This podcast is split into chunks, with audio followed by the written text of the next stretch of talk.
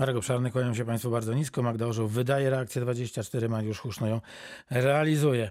Proszę Państwa, w czwartek e, Jarek Wrona, nasz e, reporter, zajął się karetkami, raczej brakiem covidowych e, karetek w Kłodzku i w powiecie kłodzkim. Pan wojewoda Jarosław Obremski przyrzekł, że będzie w sprawie interweniować. Dzisiaj z nami jest pan Maciej Awiżeń, starosta kłodzki. Dzień dobry, panie starosto. Dzień dobry, dzień dobry Państwu. Jakie wieści w sprawie e, covidowych karetek? No i tutaj starosta, jak obiecał, e, wojewoda, przepraszam, jak obiecał, tak zrobił. E, w tej chwili jeździ po naszym terenie cztery, cztery karetki wotowskie i nadrabiają ten czas, który do niedawna był trochę stracony. Mam nadzieję, że, że tak już zostanie. Ewentualnie sposób poboru będzie taki, jak był na początku, czyli poprzez karetkę e, powiatową. O tym też rozmawiamy z wojewodą. A jak długo czekało się na przyjazd e, karetki i na dokonanie wymazu? E, no niestety 10 dni, w niektórych nawet 12 dni, co oczywiście wiązało się z, no, z wielkim stresem, no i oczywiście bezsensownością takiego działania. A teraz jak sprawa wygląda? W tej chwili e, już e, kilkaset osób zostało e, przebadanych. W tym momencie, w tym momencie jest to oczekiwanie rzędu jednego, dwóch dni, więc bardzo dobre, dobra sytuacja. To jeszcze na koniec tego wątku zapytam panie starosta, jak wygląda sytuacja epidemiczna w powiecie kłodzkim? No, mamy około 2,5 tysiąca osób na kwarantannie izolacji, około 1800 przypadków aktywnych, czyli zachorowania Niestety przyrost dobowy jest duży, ale trzeba pamiętać też, że jesteśmy największym powiatem, trzy razy większym niż większość powiatów e, e, w Polsce. To teraz e, drugi temat, e, mianowicie sprawa komunikacji wewnątrz powiatowej. E, spotykając się z burmistrzami i ze słuchaczami z powiatu kłodzkiego, otrzymujemy bardzo wiele sygnałów o tym, że no, jest owa komunikacja autobusowa sparaliżowana, że trudno dostać się z jednego miasta do drugiego, na przykład z Nowej Rudy do Polanicy, jeśli ktoś na przykład musi pojechać jechać e, do szpitala. Taki głos e, pojawił się podczas e, reakcji 24. Jak wygląda sprawa PKS-u? Mówił pan starosta, że podjęliście państwo wielki program naprawczy. Rozmawialiśmy o tym już wielokrotnie od, od początku roku, no, ale jakoś tak w, słychać, że, że, że, że został tylko podjęty i, i, i trzy kropki. No właśnie. E, po podjęciu e, restrukturyzacji w formie sanacji, przepraszam za te słowa, ale tak to właśnie wygląda e, formalnie poprzez sądową restrukturyzację.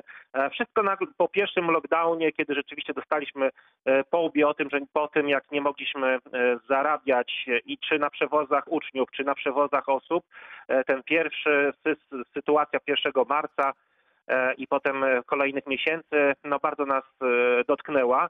No ale wprowadziliśmy tą sanację, no i już we wrześniu e, rzeczywiście to wszystko zadziałało i we wrześniu już nawet e, PKS zaczął przynosić niewielkie dochody, 66 linii, które jeździło i było fajnie, no ale przyszedł październik.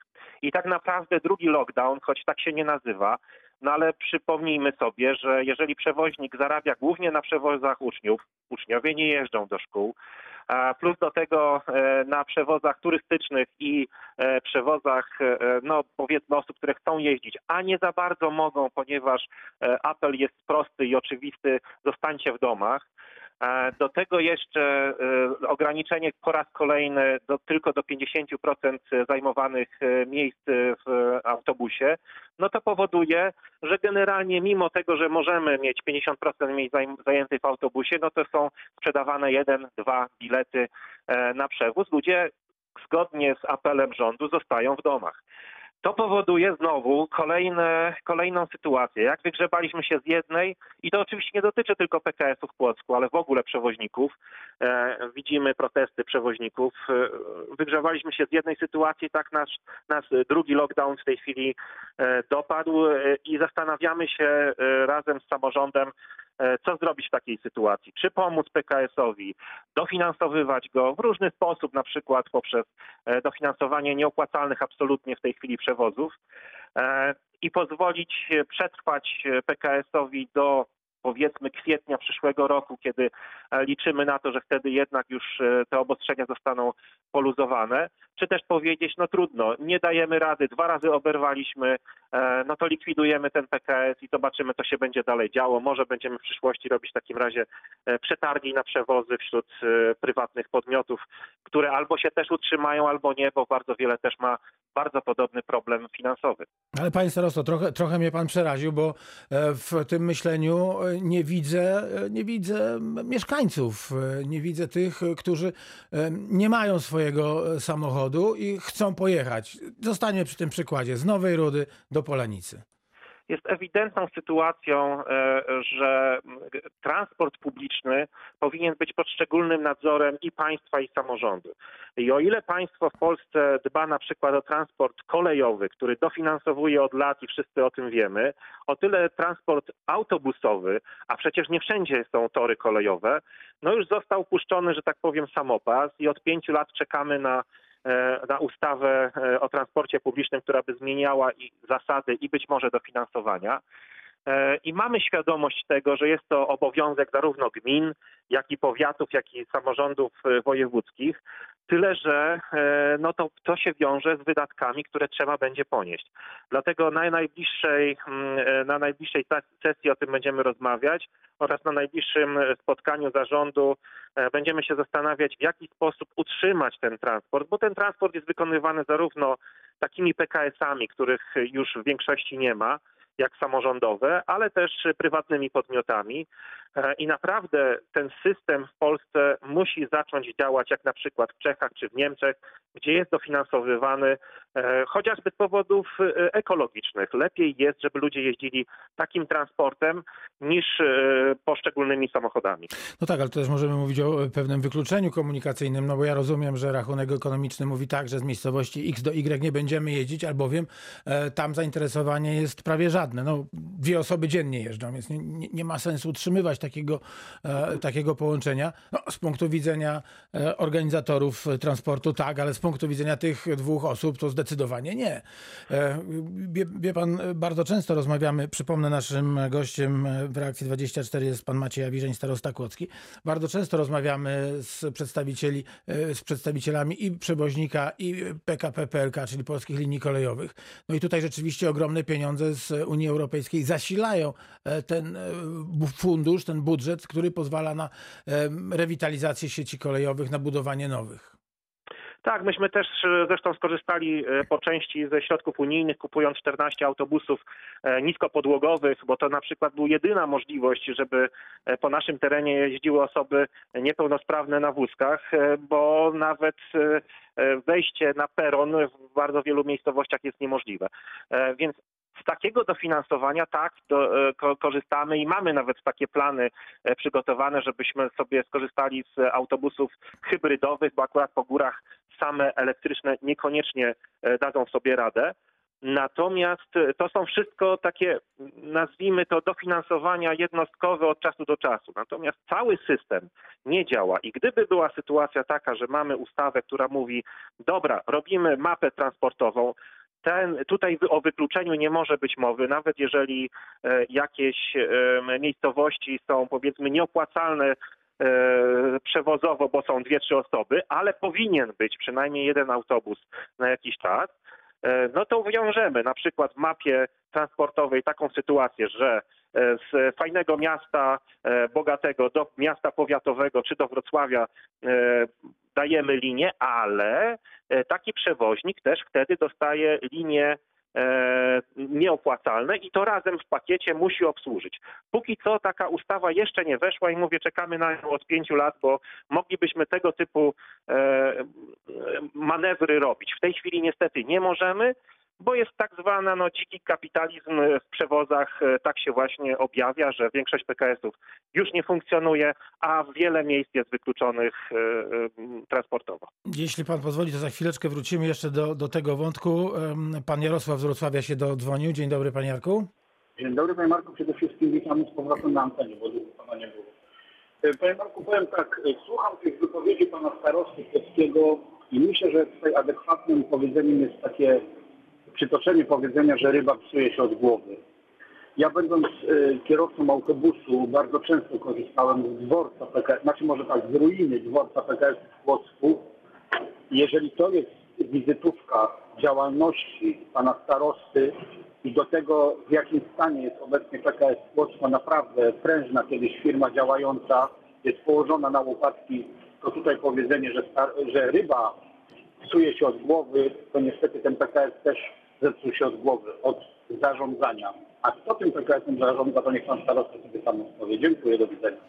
Maciej Awiżeń, starosta Kłodzki. Co pan na to, panie starosto? E, No nie wiem, czy akurat najważniejszym w przewozach jest wizytówka e, dworca, czy jest e, taki czy inny, chociaż swoją drogą już rozpoczęliśmy e, negocjacje na temat e, rewitalizacji, bo przypomnę, że dworzec e, we Wrocławiu na przykład już jest w tej chwili prywatny, a po części jest galerią handlową, więc tego typu rozwiązanie oczywiście jest u nas możliwe. Czekamy w tej chwili na zmianę planu zagospodarowania przestrzennego i będzie wyglądał podobnie, ale nie w tym rzecz. Przewozy autobusowe to nie są dworce, tylko autobusy jeżdżące. I tu jest problem, bo rzeczywiście ryba psuje się od głowy, a głową w tym przypadku jest e, Sejm, rząd, który nie wprowadza odpowiednich uwarunkowań, żeby PKS-y mogły funkcjonować. Panie starosto, ale jeszcze e, jedno zdanie na koniec e, chciałbym wypowiedzieć i poproszę o ustosunkowanie się do tego zdania. Polanica Zdrój, Duszniki Zdrój, Kudowa Zdrój, e, Długopole Zdrój, Lądek Zdrój, Złoty Stok. Przecież wydaje się, że dobrze użyję tego słowa, nie powiat, a hrabstwo kłodzkie, to, to przecież zagłębie turystyczne. To tutaj powinny jeździć e, autobusy, to tutaj powinny być parkingi, gdzieś park and ride, że zostawiamy swoje auto jadąc, nie wiem, na, na, na narty, jadąc na wyprawy piesze i, i jeżdżą może nie duże autobusy, może właśnie busy, które po, po, pozwolą e, się przemieszczać po, e, po tej pięknej ziemi. Wydawałoby się, że, że, że tutaj e, akurat w Państwa przypadku te, te pieniądze no, należy tylko podjąć od, od turystów, którzy pewnie byliby szczęśliwi, e, jeśli by e, mogli pojechać no właśnie autobusem, a nie pchać się swoim samochodem. Pewnie by się też i ósemka odkorkowała i tak dalej, i tak dalej, i tak dalej. E, Ale rzeczywiście i dlatego też e, jeszcze przed, e, przed pandemią mieliśmy już jeżdżące skibusy, czyli dla, dla narciarzy, czy busy z przyczepką na rowery i to wszystko rzeczywiście funkcjonowało. No ale w tej chwili nie wolno przecież przyjeżdżać turystycznie i trzeba wziąć pod uwagę, że już od dru, drugi miesiąc znowu turyści nie mogą do nas przyjeżdżać, mogą tylko przyjeżdżać w sprawach zawodowych, bo i wszystkie hotele i wszyscy inni mamy tej chwili lockdown i nie ma jak zarabiać. Czyli Panie Starosto, sytuacja jest taka, że gdyby, gdyby nie było e, COVID-19, to ta restrukturyzacja PKS-u e, stałaby się sukcesem i nie byłoby kłopotów w przemieszczaniu się e, po ziemi kłodzkiej. Nie tylko jeśli chodzi o potrzeby turystów, ale także mieszkańcy byliby zadowoleni z, tych, z tej siatki No nie połączeń. wiem, zawsze, zawsze, zawsze chce się więcej, coraz lepiej, natomiast wrzesień, e, miesiąc, w którym mogliśmy normalnie funkcjonować, już pokazał, że ta restrukturyzacja się udawała. No ale niestety, jeżeli jest e, zakaz e, przewozów uczniów, zakaz dochodowych, dochodowości, że tak powiem, przewozów autobusowych, no to kurczę jest problem. Czyli to, trzeba trzymać kciuki, żeby, żeby przetrwać jeszcze tę drugą falę pandemii i później można z większym optymizmem patrzeć w przyszłość. Tak można by podsumować? Tak można by było podsumować. Mamy plany, mamy e, pomysły na zakupy autobusów, na rozszerzenie ilości, na współpracę z gminami, ale musimy mieć do tego możliwość przewozu osób. To na koniec e, tej części reakcji 24 pani Bernardeta z Wrocławia, też w sprawie PKS-u. Dzień dobry. E, Tak, dzień dobry. Nawiasem mówiąc, dowiedziałam się od pana starosty, że nasz dworzec wrocławski jest już w rękach prywatnych. Nigdzie to nie było napisane i po prostu ręce opadają. Ale ja do pana starosty. E, Ja chciałam zapytać, panie starosto, no pandemia jest już długo, e, będzie jeszcze długo. I e, ponieważ mamy trochę znajomych, którzy mieszkają y, poza y, Wrocławiem, również y, w zakresie pięknej ziemi y, kłodzkiej, naprawdę ludzie narzekają. Narzekali pani starosto y, przed y, pandemią i narzekają teraz. Y, Jeśli pan odsłucha y, swojej wypowiedzi, usłyszy pan enty raz, że państwo usiądziecie Państwo zaplanujecie i Państwo zastanowicie się. E, Panie starosto, nie jest czas e, na to. Po prostu jest to już czas dawno e, naprawdę e, konkretnego e, działania.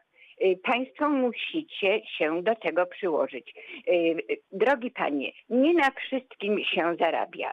Proszę e, po prostu przyjąć do pracy iluś kierowców, e, zapłacić, e, zrobić e, małe zaplecze i puścić swoje autobusy, natomiast nie cały czas podpierać się, to już nie mówię o panu, to jest w całej Polsce, kimś, kto wynajmuje, podnajmuje i tak dalej. I wyjdzie to panu taniej. Dziękuję bardzo. No to co, panie starosto, co pan na te rady i na te rozwiązania ekonomiczne przedstawione E, przez panią Bernadetę? Dziękuję bardzo. Znaczy trzeba pamiętać, że nic nie jest za darmo i ktoś za to płaci. Płacą podatnicy. Jeżeli mamy płacić publicznymi pieniędzmi za przewozy osób, dwie osoby z, jakiegoś z jakiejś miejscowości e, dokądś, no to trzeba się nad tym zastanowić, czy to jest e, na pewno najważniejsza rzecz, podczas gdy musimy na przykład e, utrzymywać e, szpital e, powiatowy w czasach pandemii. E, Nie ma na wszystko pieniędzy i to trzeba sobie też jasno powiedzieć ale e, jeśli chodzi o system e, przewozów e, osób, mamy na to pomysł. Czekamy na ministerstwo, czekamy na, na rząd, na Sejm, który powinien już dawno ustawę e, wprowadzić, która by nam to umożliwiała. I myślę, że wtedy można by było na terenie całej Polski mówić o tym, o restrukturyzacji, o tym, że e, PKS-y zaczęłyby z powrotem jeździć. No i pani Małgorzata z Wrocławia jeszcze się dotelefonowała. Panie starosto, posłuchajmy. Dzień dobry. Dzień dobry. E, Dzień dobry. Ja mam takie, ja mam takie pytanie odnośnie komunikacji e, do takiego miejsca jak Rzeczka Sokolec. To jest już na skraju e, powiatu. Tam praktycznie nie jeździ nic. Jeżdżą dwa autobusy, a przypomnę, że kto, kto jeździł na nartach w Rzeczce w Sokolcu, zna te stoki narciarskie, zna Wielką Sowę, wie, że jest to przepiękne miejsce turystyczne, ale nie ma możliwości tam dojechania z Nowej Rudy komunikacją miejską. Już pomijam miejsca turystyczne, gdzie faktycznie, czy wejście na Wielką Sowę, czy y, stoki narciarskie, gdzie młodzież mogłaby y, jeździć. Ja wiem, że teraz wygodnie jest powiedzieć, mamy lockdown i tak się nic nie będzie działo, więc po co uruchamiać, ale wcześniej nie było lockdownu i nic się nie działo. Nikt nie mógł do nas dojechać komunikacją miejską ani turystycznie latem, ani turystycznie zimą. Pomijam fakt, że przedsiębiorcy, którzy tam prowadzą działalności gospodarcze, niestety nie mają wyboru, e, jeżeli chodzi o zatrudnienie pracowników, którzy nie mają własnego transportu, muszą się opierać na komunikacji miejskiej. Niestety oni nie mają jak dojechać, ponieważ to miejsce jest odcięte od świata, a szkoda. Pani tam mieszka. Z tego, z tego Eee, wnoszę. Tak, częściowo ja również em, jestem przedsiębiorcą z tego rejonu. Okej, czyli, czyli pani sytuację zna z em, własnego doświadczenia. Okej. Tak. Pan, E, pan starosta Macieja Wiżeń. Już, już, już mówię. I więc trzeba pamiętać o tej, o tej jednej rzeczy. Obowiązek w tej chwili ustawowy e, przewozu od stolicy gminy, czyli w tym przypadku od Nowej Rudy, do wsi ma gmina. Żeby spełniać taki obowiązek, na przykład Ząbkowice kupiło swoje autobusy, inne gminy na przykład podpisują umowy o dofinansowaniu, ponieważ niekoniecznie zawsze się to opłaca, jak o tym rozmawialiśmy. Więc w sytuacji oczywiście, bo nie wiemy co się stanie, bo na razie e, rząd zapowiada, że mają być zamknięte e, wszystkie stoki narciarskie, co osobiście uważam za błąd. E, Ale w normalnej sytuacji e, gmina jest zobowiązana do przewozu osób do właśnie miejscowości, która leży na terenie gminy. I mam nadzieję, że tego typu, z tego typu e, oferty skorzysta. Ale y, państwo mogą pomóc, mogą takie oferty przyjmować i mo możecie podjąć współpracę jako, jako starostwo? Oczywiście, że tak, znaczy jako PKS bardziej. No tak. Dajemy, no, dajemy możliwość, proszę bardzo, jest autobus, ryzyko e, przewoźnika musi być po stronie gminy, bo to jest obowiązek gminy. Jeżeli dofinansowuje e, jakiś przewóz do, do poziomu ryzyka, żeby przynajmniej na zero wychodziło, no to my taki autobus możemy oczywiście uruchamiać i takie negocjacje, rozmowy są prowadzone, ale nie wszystkie gminy uważają to za ważne. No to tyle na temat e, PKS-u w powiecie kłodzkim. Pan Maciej Awiżeń, starosta kłodzki, był Państwa gościem w Reakcji 24. Zdrowia, życzę wszystkiego dobrego. Dziękuję, Dziękuję bardzo. nawzajem. Zdrowia dla wszystkich. bardzo. A z nami już jest zapowiadany pan mecenas Grzegorz Rutkowski z Kancelarii Prawniczej Square. Dzień dobry, panie mecenasie. Witam serdecznie. E, No to dzisiaj oczywiście rozmawiać będziemy o ochronie danych e, osobowych. E, Na pierwszy ogień praca zdalna i ochrona danych osobowych właśnie wtedy, kiedy jesteśmy zatrudniani, a raczej pracujemy z domu. Najpierw jednak, jeśli pan pozwoli, to jak zwykle zapytam o to, co dzieje się wokół ochrony danych osobowych, zwłaszcza jeśli chodzi o wymierzanie kar, bo tutaj już nawet na polskie warunki mamy do czynienia z e, kwotami dużymi. Tak, y, dawno się nie słyszeliśmy, y, więc, więc troszkę nowości, co się zadziało w międzyczasie. Tego, co pewnie być może Państwo pamiętają, słyszeli, e, nasz Urząd Ochrony Danych Osobowych jakiś czas temu zaczął kontrolować w wzmożony sposób przedsiębiorców, zaczął też e, nakładać kary za nieprawidłowe sposoby przetwarzania, zarządzania, e, czy też ochrony danych osobowych. Jedną z takich większych przykładów była kara nałożona na, na firmę Morele, która wynosiła prawie 3 miliony złotych, więc rekordowa kara w Polsce. I oczywiście wszyscy z niecierpliwością czekali, co się z tą karą stanie, bo postępowanie przed Urzędem Ochrony mm, Danych Osobowych ma to do siebie, że oczywiście decyzja, która tam zapada, jest potem zaskarżalna do sądu administracyjnego. W konsekwencji oczywiście decyzja ta była za- zaskarżona i Wojewódzki Sąd Administracyjny parę dni temu dosłownie wypowiedział się, iż kara została nałożona, e, nałożona w sposób, e, w sposób prawidłowy, i, więc utrzymał w mocy tę decyzję, krótko mówiąc. Więc nadzieję przedsiębiorcy na to, że że ta kara e, zostanie czy też uchylona, może zaproponowana jakiś jej, jej niższy wymiar. E, Na razie, na razie są płonne.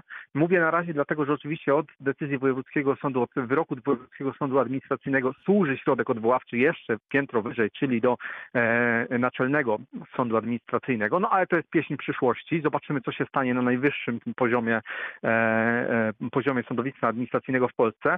Co ważne i co chyba być może może być punktem zaczepienia, sąd nie skorzystał z, e, z szansy na zapytanie europejskiego e, do Trybunału Sprawiedliwości Unii Europejskiej o wykładnię przepisów, a w końcu są to przepisy europejskie, być może, być może było warto, trudno to oceniać na dzisiaj, ale, e, ale sytuacja jest jaka jest, kara się utrzymała, najwyższa kara zostaje na poziomie pierwszej instancji sądowej i, i, i i w przyszłości być może jeszcze, jeszcze będzie podważona, no ale szanse pewnie trochę, trochę spadły. To jedna z ważnych rzeczy Mhm. z ostatniego czasu. E, Druga, pewnie też istotna dla wielu przedsiębiorców, którzy nawet sobie być może nie zdają z tego sprawy. E, Bardzo często, kiedy przetwarzamy dane osobowe, korzystamy z usług podwykonawców przetwarzania danych osobowych. Krótko mówiąc, innej firmie powierzamy pewne czynności, na przykład wykonanie telefonu do naszych klientów, tak? Mimo, że te dane osobowe należą do nas, to znaczy my jesteśmy administratorem tych danych, to ktoś inny wykonuje pewną czynność na tych danych. Przekazuje je, gromadzi, archiwizuje, wykonuje, tak jak mówię, jakiś kontakt z osobą, której dane dotyczą. No to I jest w pewnym bardzo- sensie, przepraszam, że wpadnę w słowo, wygodne dla przedsiębiorcy, bo jeżeli na przykład zleci innej firmie, nie wiem, zabezpieczenie czy e, danych osobowych, czy właśnie kontakty mailowe takie, e, Dokładnie. czy czysto, ci- czysto biznesowe, no to mówiąc najkrócej, e, wydawałoby się, że ma z głowy.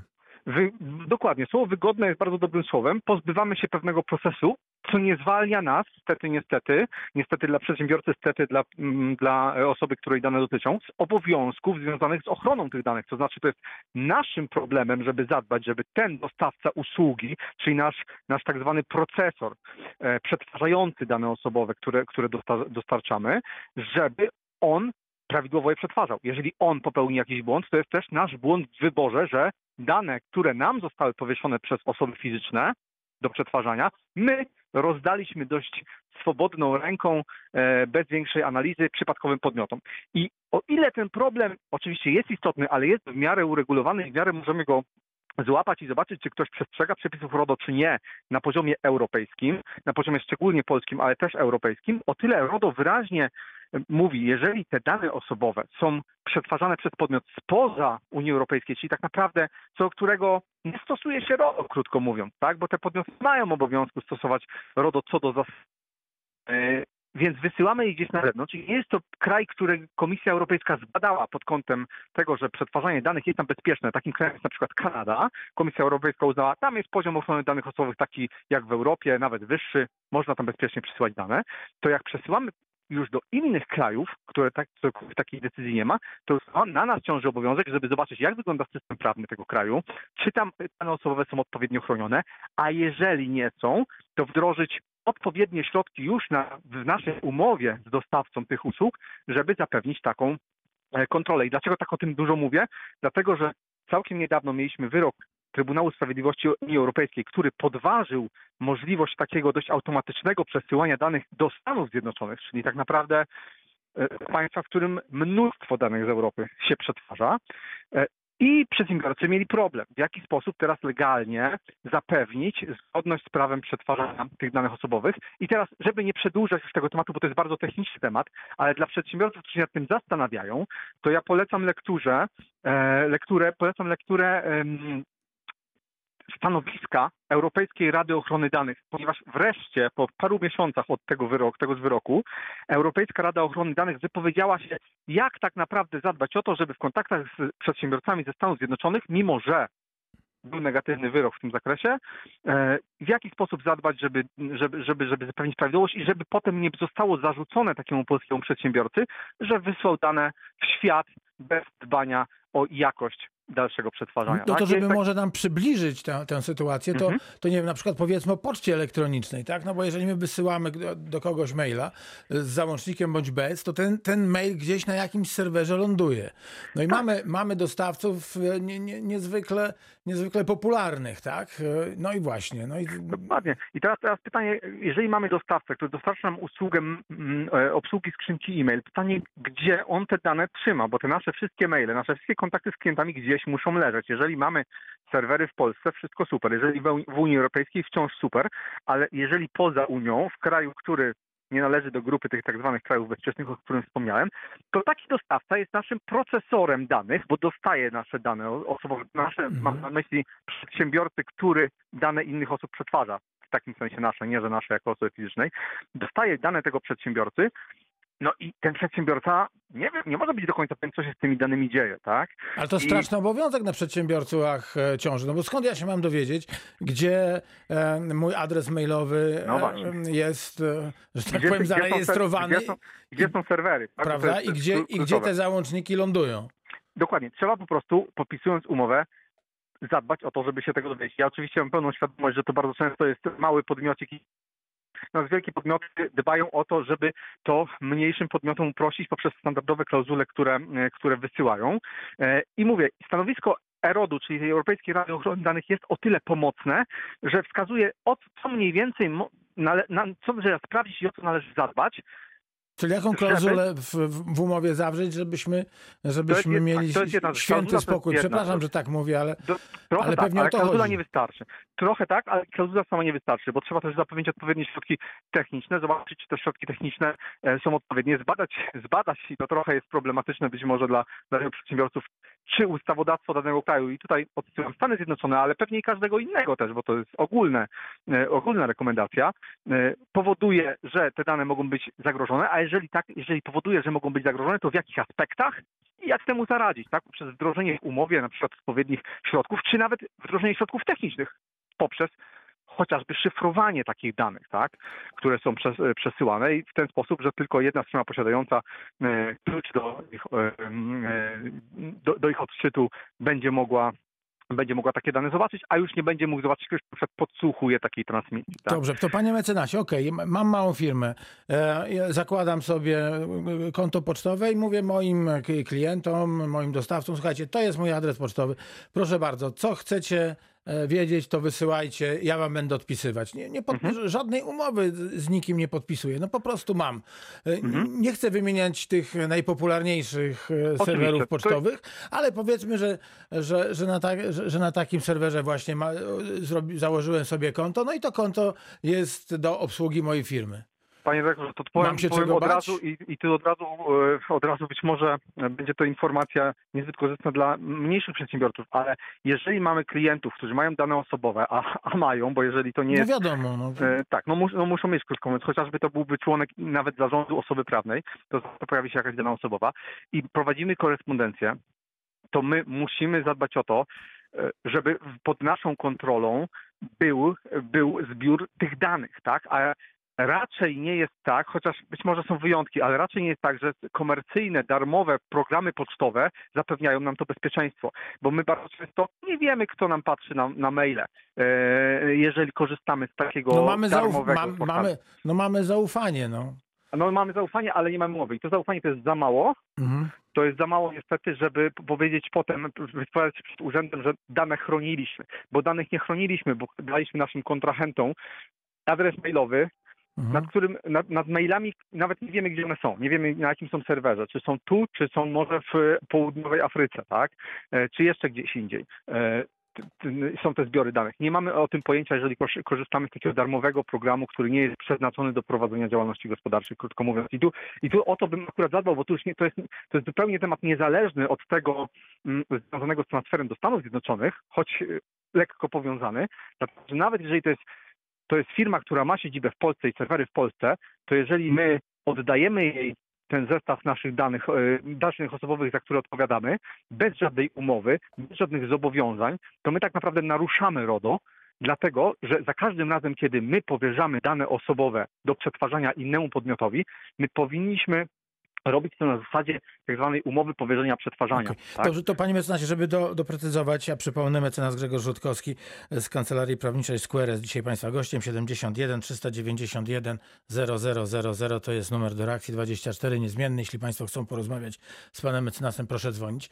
Ale mamy, y, y, żeby uściślić, mam jednoosobową działalność i mam, e, i mam e, swój adres e, na z końcówką zaczynającą się na, na g.com. Tak, i ja podaję ten mój adres i tam no, przychodzą, e, proszę, e, proszę się ze mną skontaktować, bo ja mam dla pana takie albo takie, albo takie zlecenie, albo proszę mi wysłać e, zestaw zdjęć, tu jest mój adres i tak dalej.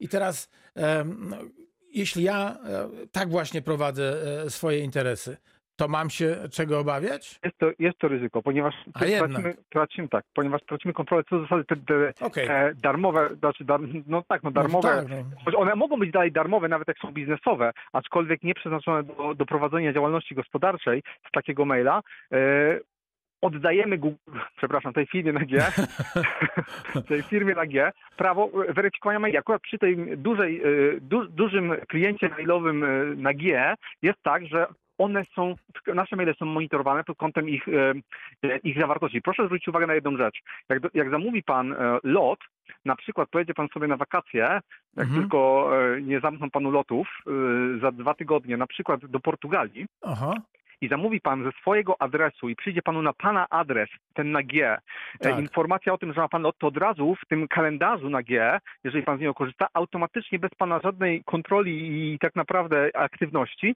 pojawić się, się panu w, żebym nie zapomniał. Krótko mówiąc, Lecisz do firma na Portugalii, G chłopie. pita, tak, dokładnie, ma pan wylot tutaj, a tu pan wraca. E, Firma na G skanuje pana maile pod kątem pewnych treści e, i sprawdza, co tam jest. I, i, i oczywiście ona nie pod, tam nie siedzi człowiek, który będzie szukał konkretnej jednej danej osobowej, aczkolwiek sam fakt, że ktoś to skanuje w sposób zautomatyzowany nawet, znaczy, że dostęp do pana danych osobowych, pana teraz mam na myśli, Jest. nie pana Tak. ja, jako redaktora, ale jako pana firmy, firmy, która posiada dane osobowe, które przetwarza swoich klientów, ma ktoś inny, a mieć nie powinien. No to wszystko jasne. Teraz dotelefonował się pan Piotr z Kłodzka. Witamy na antenie Radia Wrocław w Reakcji 24. Dzień dobry, panie Piotrze. Dzień dobry, witam. Dzień dobry. Mam takie pytanie do, do pana mecenasa. Mm, Bardziej takie może, które dotyczy większości nas jako abonentów telefonicznych. Otóż też mnie to spotkało. Kupiłem dodatkowy numer telefonu, sam numer bez aparatu w pewnej firmie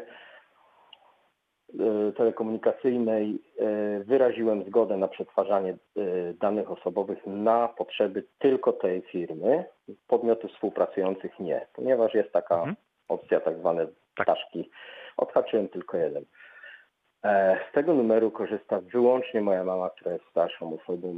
Nigdzie nie dzwoni poza rodziną, rodzina do niej. Po dwóch tygodniach zaczęły pojawiać się oferty banków, firm leasingowych. Mało już, ta, mało tego, takie dość spersonalizowane oferty, w sensie imię e, Okej. abonenta.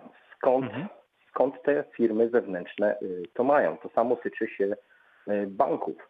Po założeniu tak. konta y, Mhm. pojawiają się na skrzynkach mailowych bądź na SMS-ach oferty innych banków. Mhm. No nasuwa się jednoznacznie handel Mhm. danymi. No, to Mhm. inaczej nie da rady tego. Więc, więc Dobra. tutaj pojawia się parę pytań. To znaczy pierwsze jest takie, a to pana mama dostaje te informacje, e, dostaje, pan powiedział, zindywidu- zindywidualizowane o abonenta imię, czyli pana, czy, czy jako, jako osoby nabywającej ten abonament, czy pana mamy? E, Moje, moje, moje. Pana, aha, czyli dzwonią tam, ale z panem pani. No czyli jakby, Tak, Czyli pan, nawet- czyli dzień nawet, dobry, y, panie Piotrze, mamy Jasnowidz- dla pana ofertę. Tak, nawet Mhm. Jasnowidz Maciej dysponuje moim Więc tak, oczywiście opcji jest, jest, jest parę. To znaczy pierwsza, błąd ludzki, czyli e, ktoś założył, że pan zaznaczył, a pan nie zaznaczył. I oczywiście to, e, to, to jest równoważne z, z tym, że dane są przetwarzane bez podstawy prawnej, tak? E, Więc oczywiście co trzeba zrobić, bo jeżeli to jest firma, umówmy się, znana i rozpoznawalna, no to, to powi- ten proces reklamacyjny powinien, powinien, mówię powinien, bo nie dam gwarancji, ale powinien przebiec dość sprawnie. Jeżeli to jest kontakt od danych sprzedawców ganków, to prawdopodobnie on się dzieje na nielegalnej podstawie, tak? To znaczy, A, to jest nagminne. To jest nagminne, to już To jest jest- poblokowane. To ja mam Tak. całą czarną listę tych y, złotych patelni, widelców Tak. magicznych. Po, jest pozdrawiam pana bardzo serdecznie, pozdrawiam. Możemy tak, możemy boję się, że problem- mi pamięci zabraknie w telefonie do tych wszystkich zablokowanych, tak. możemy mieć problem natury, y, natury tego, że ktoś ma zaznaczony znaczek w systemie, mimo że pan go nie zaznaczył, a tak też się zdarza, więc trzeba po prostu zadzwonić i spróbować to wyjaśnić i, i powiedzieć, ja nie wyrażam tej zgody, proszę do, do mnie w tym zakresie nie dzwonić i nie wyrażam zgody na, na przetwarzanie tych danych. Ale ja Można przerwę, zrobić przerwę, przepraszam, ale to już jest reakcja łańcuchowa, to już mleko się Tak, rozlało. ale to teraz jedni dlatego, dlatego mówię, co można zrobić dalej. E, Prawo, e, każdy, każda osoba, której dane dotyczą, ma prawo do dowiedzenia się, gdzie te jej dane są przetwarzane i gdzie poszły, tak? Do jakich podmiotów, na jakiej podstawie prawnej, tak? I jeżeli pan żąda zastopowania dalszego przetwarzania, to ten ta firma telekomunikacyjna ma obowiązek poinformować też wszystkich innych, którym na tej podstawie, rzekomej podstawie, że pan się kiedyś zgodził, dała takie prawo i przekazała pan dane, informację o tym, że pan wycofał tę zgodę, której okej, może i ni- nie było nigdy, to w, pana przypadku, aczkolwiek no, oni popełnili być może błąd w systemie. E, I ma pan prawo tą zgodę wycofać, nawet mówię, nawet jak nie było, to powie- powiedzieć, że tej zgody po prostu nigdy nie było, a oni mają obowiązek poinformować tych wszystkich innych, czyli to rozdane mleko trochę pójść za tymi strumieniami, tak? Kiedyś tego nie było, to, to prawo pojawiło się po RODO. No dobrze, a jeśli, to, jeżeli to nie da żadnych efektów? Jeszcze taka, jeszcze taka Mhm. jedna, jedna rzecz. Kiedyś, y, żeby nie figurować w spisie abonentów, trzeba było to zaznaczyć i poprosić. Teraz, żeby Mhm. figurować, Mhm. trzeba poprosić. Ale widzę, że y, z automatu firmy telekomunikacyjne stawiają swoich abonentów do, do spisu bez ich zgody. Okej, to nie znam szczerze mówiąc tej praktyki, ale faktycznie jest tak, jak pan powiedział na początku co do teorii, że teraz jest tak, że trzeba zaznaczyć, bo to by było przetwarzanie danych bez zgody i e, nadmiarowe zdecydowanie. E, czy tak się dzieje faktycznie z automatu, że, że, że takie dane stają, tego nie wiem. No trudno, trudno mi, mi się odnieść, Dzieje się. Dzieje się. mówiąc. Okej. Tak. E, Natomiast pan, pan, pan redaktor jeszcze spytał, a co, co się stanie, jak to nie, zadzie, nie zadzieje się, no to pozostaje nam poskarżyć się do instytucji, która, e, tak jak wspomniałem trochę na początku naszej dyskusji, ma metody, żeby skarcić przedsiębiorców, którzy być może trochę się rozmijają. Po pierwsze z, z, z podstawami przetwarzania, czyli no pan wyraźnie zgody nie dał, a dane są przetwarzane, a po drugie z niespełnianiem żądań osoby, której dane dotyczą, bo to jest drugi, drugi poziom który, ewentualnego naruszenia, czyli pan wyraźnie swoje żądanie przedstawił i radzę też to, y, to, to dokumentować odpowiednio, tak? Czyli robić co, to na wys- piśmie, Wysłać właśnie przynajmniej polecony, z Tak, potwierdzeniem odbioru? to jest bar, bardzo dalece y, ostrożnościowa forma, ale nawet jak ten, to nie, żeby to nie było w postaci rozmowy telefonicznej, tak? O to chodzi. Tylko, żeby to tylko przynajmniej... im, im nawet przedstawiona umowa, którą przecież posiadają obie strony, ja jak i ta firma, gdzie tam na, na umowie jest y, zaznaczone wyraźnie, na co ja wyrażam zgodę, czyli Mhm. na wyłącznie kontakt ze strony firmy tej telekomunikacyjnej, z którą zawarłem umowę, na podmioty współpracujące nie. No, Mhm. Do nich to nie, nie dociera. No, na, nawet umowę, na której ja się podpisałem i pracownik salonu, tak? Jasne, no to, to mówię, poskarżyć się najpierw do firmy, jeżeli to nie zadziała, to, e, no, to po prostu zgłosić to do Urzędu Ochrony Danych e, Osobowych, bo ten urząd temu też służy, to znaczy przyjmuje zgłoszenia nieprawidłowości w przetwarzaniu danych osobowych przez przedsiębiorców. Rozumiem. Dziękuję bardzo. Dziękuję bardzo. Dziękuję. To był pan. Piotr Skłocka. Pozdrawiamy pana. Dużo zdrowia, wszystkiego dobrego. 71 391 0000. Jeśli państwo mają jakieś pytania, to proszę iść śladem pana Piotra i proszę wykorzystywać wiedzę mecenasa Grzegorza Rutkowskiego. Mamy mniej więcej jeszcze 7 minut do zakończenia reakcji 24. No to teraz e, przechodzimy w, miarę płynnie do ochrony danych osobowych przy pracy zdalnej. E, w czasach e, pandemii bardzo wielu z nas, no właśnie, pracuje w domu. No i teraz pytanie, kto jak chronić dane osobowe powinien, jeśli e, takie spływają? Czy my możemy na przykład używać własnych e, komputerów do tego, żeby otwierać służbową pocztę i na niej działać? Jak to, jak to wygląda? Jakie są obowiązki pracodawcy i pracownika? Właśnie. Po pierwsze, obowiązki głównie leżą na pracodawcy, tak? To pracodawca decydując się na to, żeby powierzyć pracę zdalną, bo tu mówimy oczywiście o sferze, sferze ochrony danych osobowych, Tak, decyduje się na to, żeby pracownika wypuścić z obszaru, który jest, załóżmy, zakładam, że to jest firma, która o to zadbała wcześniej, jest bezpieczny z punktu widzenia przetwarzania danych. Są programy antywirusowe na komputerach. Jest odpowiednio zabezpieczone dokumenty papierowe, tak? E, Jeżeli wysyłane są maile, to one są wysyłane z, z, z, od- z konta pocztowego, z którym mamy umowę o powierzenie przetwarzania i tak dalej i takie konto pocztowe e, jest na odpowiednim serwerze i tak dalej, mamy nad tym kontrolę, tak? Są monitor, jest monitoring, jeśli pracodawca uzna, że, że, że trzeba. I teraz wypuszczamy takiego człowieka, którego codzienną pracą jest praca na danych osobowych poza ten bezpieczny obszar. Krótko mówiąc, tak to trzeba interpretować. Jeżeli on wychodzi poza ten bezpieczny obszar, to on musi być uzbrojony w wszelki, wszelkie techniczne rozwiązania, które pozwolą mu ten bezpieczny obszar, krótko mówiąc, przenieść do domu, tak? Czyli najprościej jest ze strony pracodawcy zapewnić oczywiście urządzenie, które on do domu weźmie. Jeżeli ma laptopa, to jest problem. Jeżeli pracuje na komputerze stacjonarnym, to problem może być większy, bo nie każdy może ten cały komputer przenosić, tak? E, I teraz jest taka możliwość, żeby, żeby pracownik pracował na sprzęcie prywatnym, ale taki prywatny sprzęt warto by było, żeby e, Departament Informatyczny danej firmy sprawdził. To znaczy, czy, ten, czy, ten, czy to nie jest zawirusowany sprzęt, czy to nie jest sprzęt, na którym w ogóle nie ma na przykład antywirusa. Jeżeli nie ma, to należy zapewnić pracownikowi takiego, taki program antywirusowy, który jest, jest dobry i zaufany. E, czyli krótko mówiąc, taki sprzęt trzeba sprawdzić. Nie można powiedzieć, OK, pracuj na swoim, ja wierzę, że wszystko jest fajnie, bo, bo pracownik może mieć po prostu komputer nie, nie, niezabezpieczony. Więc trzeba ułożyć pracownikowi tę pracę w ten sposób, żeby on zapewnił bezpieczeństwo. Co więcej, trzeba, trzeba mu o tym wprost powiedzieć. To znaczy, nie, to nie może być dorozumiane. Ja mówię, idź pracuj zdalnie, nawet tu masz mój komputer, trzeba pracownikowi powiedzieć, jakie są zasady tej pracy zdalnej, czyli poza Ale przepraszam bardzo, e, doprecyzujmy, powiedzieć, czy wręczyć jakiś regulamin, czy, czy napisać wręcz? Nie ma obowiązku pisemności, aczkolwiek z punktu widzenia dowodowego oczywiście lepiej by było, żeby było to na tak zwanym e, e, dokumencie, tak? Czyli chociażby w formie maila, czyli czymś jesteśmy w stanie odtwo- odtworzyć, że człowiek dostał to do zapoznania. Nie musi, nie musi być to jego podpis własną krwią e, przystemplowany na, na, na kartce papieru. Niekoniecznie. Mail będzie ok i wystarczający. Natomiast w tym mailu trzeba pokazać pracownikowi zasady. Ja bardzo często o tym powtarzam w, nas, w naszych spotkaniach, że to na pracodawcy leży wyedukowanie pracownika o tym, jak przetwarzać dane, bo nigdy się nie, pracodawca nie obroni przed karą, jeżeli powie, ale to pracownik zrobił. No dobrze, drogi pracodawco, ale co ty zrobiłeś, żeby pracownik wiedział, że ma tak nie robić?